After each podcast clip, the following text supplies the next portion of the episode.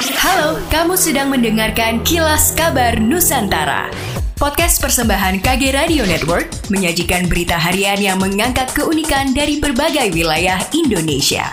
Kilas Kabar Nusantara dapat juga didukung oleh pengiklan loh.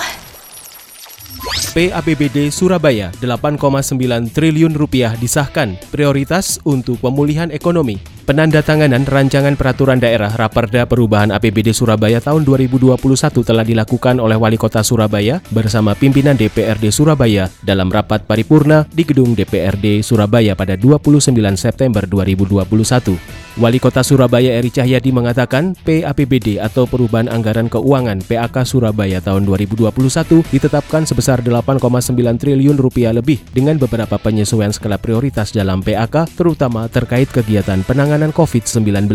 Ia menjelaskan bahwa PAPBD Surabaya tahun 2021 akan diprioritaskan untuk pemulihan ekonomi masyarakat sehingga banyak anggaran pembangunan atau proyek fisik di pemerintah kota Surabaya dialihkan untuk kebangkitan ekonomi terutama untuk pelayanan publik dan prioritas masyarakat kecil.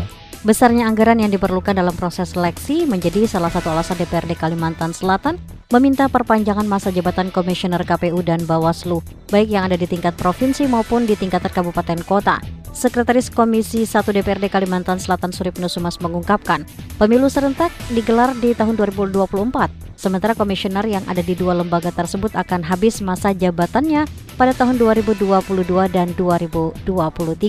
Seleksi komisioner yang baru menurutnya juga tidak akan optimal mengingat singkatnya waktu persiapan dan harus melewati berbagai tahapan diklat. Suripno menambahkan dengan perpanjangan masa jabatan komisioner KPU dan Bawaslu yang ada saat ini, penghematan anggaran hingga triliunan rupiah dapat dilakukan dengan persiapan pelaksanaan pemilu 2024 dapat lebih maksimal.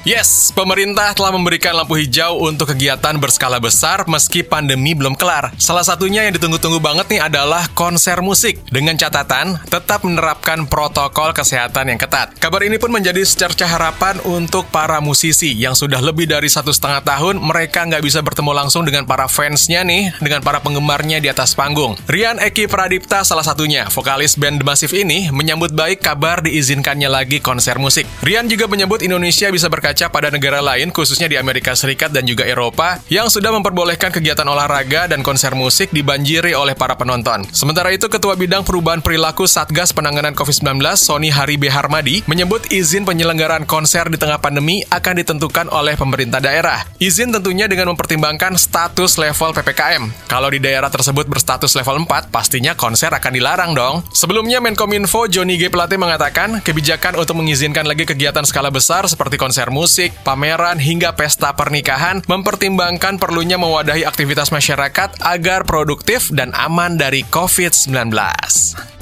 Demikianlah kilas kabar Nusantara pagi ini.